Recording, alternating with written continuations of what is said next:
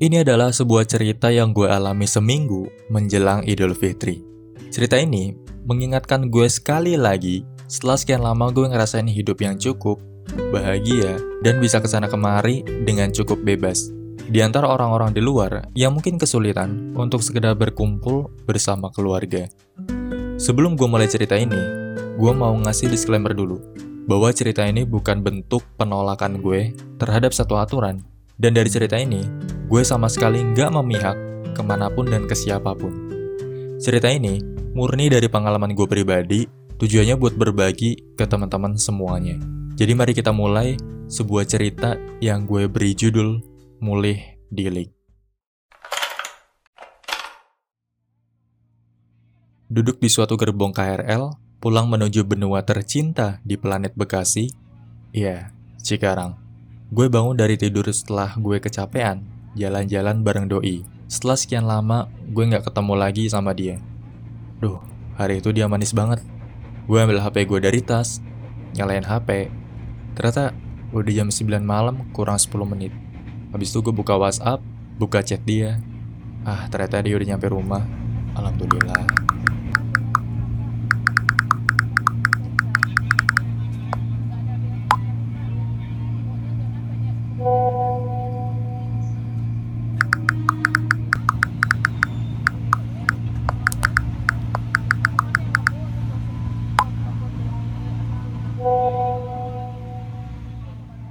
Waktu lagi asik-asiknya chat doi, gue ngeliat di sebelah gue ada bapak-bapak. Kulitnya coklat gelap. Dia pakai celana levis selutut yang kelihatannya udah lama.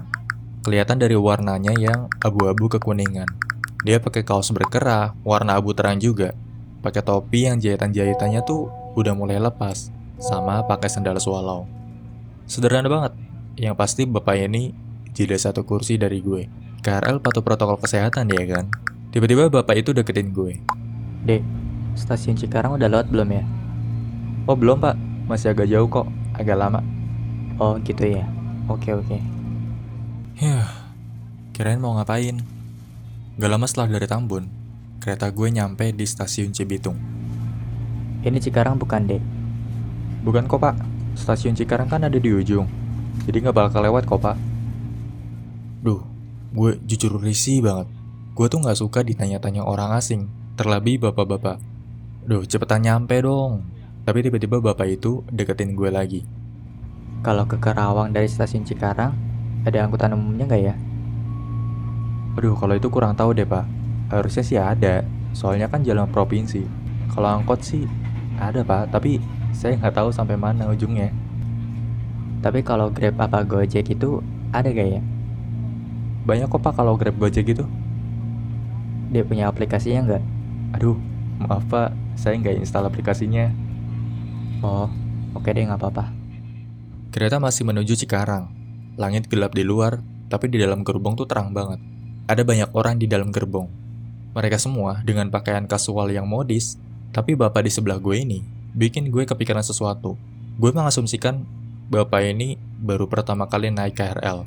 Selain karena dia nggak tahu kalau stasiun Cikarang ada di ujung, Bapak ini juga nggak ngeliat kalau di atas pintu gerbong yang ada di depan dia, itu jelas ada rutenya. Dan bapak-bapak ini kelihatannya kaku banget di gerbong. Tapi selagi gue mikirin dan nebak-nebak kenapa bapak ini di sini, tiba-tiba bapak ini deketin gue lagi dan ngomong, Di jalan banyak cegatan, nggak boleh mudik ya katanya. Iya pak, ada larangan mudik kan? Oh gitu ya, pantesan. Kemarin teman-teman saya juga dicegat semua dari Tangerang. Makanya saya terpaksa naik KRM malam biar nggak dijegat. Iya pak ketat banget. Di mana mana sekarang ada polisi. Mereka nyegat kalau motor rapi-rapi kayak mau mudik gitu. Berarti bapak mau pulang ke Kerawang ya? Iya nih saya mau pulang. Seketika gue diem dengerin omongan bapak ini. Ada satu hal yang muncul di pikiran gue abis dengerin bapak itu bilang mau pulang, yaitu bapak gue. Dulu waktu gue masih kecil, Bapak gue sering banget pulang tengah malam karena proyek. Kadang-kadang nggak pulang, banting tulang demi keluarga. Pas nyampe rumah, pasti bapak gue tuh capek banget. Tapi habis itu, bapak gue selalu bikin ibu gue ketawa.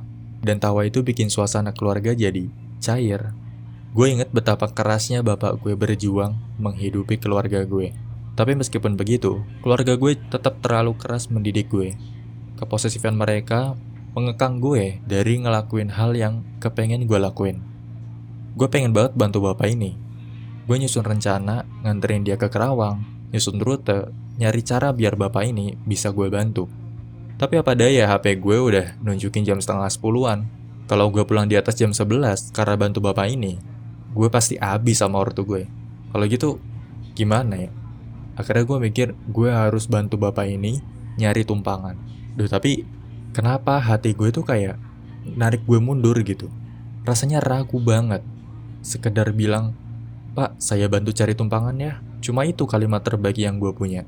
Toh kalaupun salah, gue bakal belajar dari kesalahan itu. Tapi gue nggak bisa.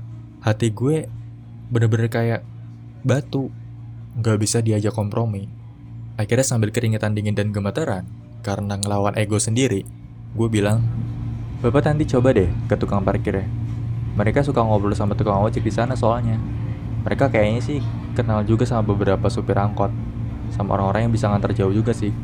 Harusnya sih mereka punya aplikasi Gojek juga. Oh, ke tukang parkir ya?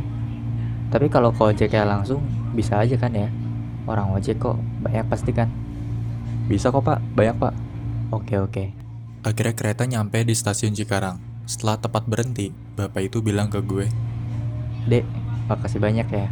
Iya pak, sama-sama. Bapak hati-hati ya pak di jalan. Dan akhirnya gue bangun duluan dari kursi, berdiri di depan pintu, dan keluar duluan dari kereta.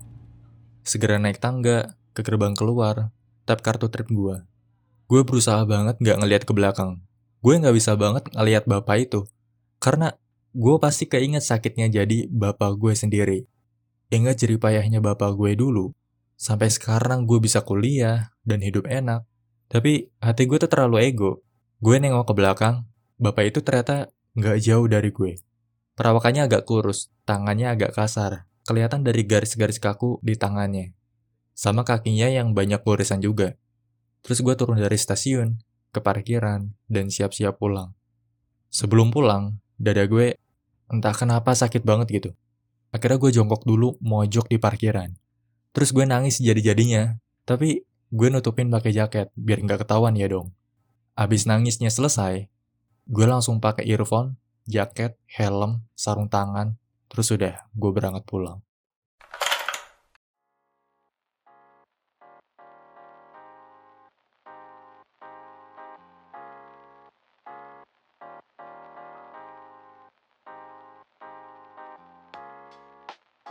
Cerita ini bikin gue ngerenung sendiri di rumah. Meskipun mungkin ya, banyak di antara kita yang mikir, ah jangan seuzon, mungkin dia aslinya orang yang berkecukupan, cuma kebiasaan aja pakai baju lama. Ya, entah deh. Tapi ya, bukan kaya atau miskinnya sih yang bikin gue ngerenung, tapi tujuan dia yang bikin gue enyu. Rumah. Yes, tujuannya pulang ke rumah gue nggak tahu dan emang nggak sempet nanya sih bapak itu punya anak berapa? Istri berapa? Tapi bukan itu yang gue lihat. Tapi sekali lagi tujuannya. Sehebat apa pun kita sekeren apa pun kita sekaya apa pun harta kita keluarga tetap jadi tempat pulang kita. Banyak pro kontra sih dari larangan mudik di negara kita. Meskipun ya ada bukti nyata dampak negatifnya yang gue ceritain tadi. Tapi nggak bisa dipungkiri juga kalau acara mudik ini bikin corona nyebar lagi. Ya bingung sih, tapi apa pun kondisinya, tetap sayanglah sama keluarga kita masing-masing. Gue bingung mau ngomong apa, tapi intinya, buat teman-teman yang hari raya ini sama keluarga, syukurilah. Sayangi keluarga kalian, karena kita nggak tahu apakah hari raya tahun depan kita masih bisa bareng sama keluarga. Bahkan kita nggak tahu hari raya ini kita bakal masih sama keluarga kita apa enggak. Jadi di hari raya ini, gue mewakili tim Curhatanku Podcast yang tersebar di seluruh penjuru dunia, mengucapkan Selamat Hari Raya Idul Fitri 1442 Hijriah. Gue dan tim memohon maaf lahir dan batin. Semoga hari raya ini mempererat tali silaturahmi kita dan kita semua selalu ada di lindungan Allah yang Maha Kuasa. Amin. Semoga lebaran kali ini bawain sesuatu yang manis buat kita semua. Meskipun ya, beberapa dari kita nggak bisa kumpul sama keluarga. Entah ada yang ngerantau atau segala macam. Tapi ingat, semua hal selalu ada hikmahnya. Kita ketemu lagi di episode selanjutnya. See you next time. Assalamualaikum.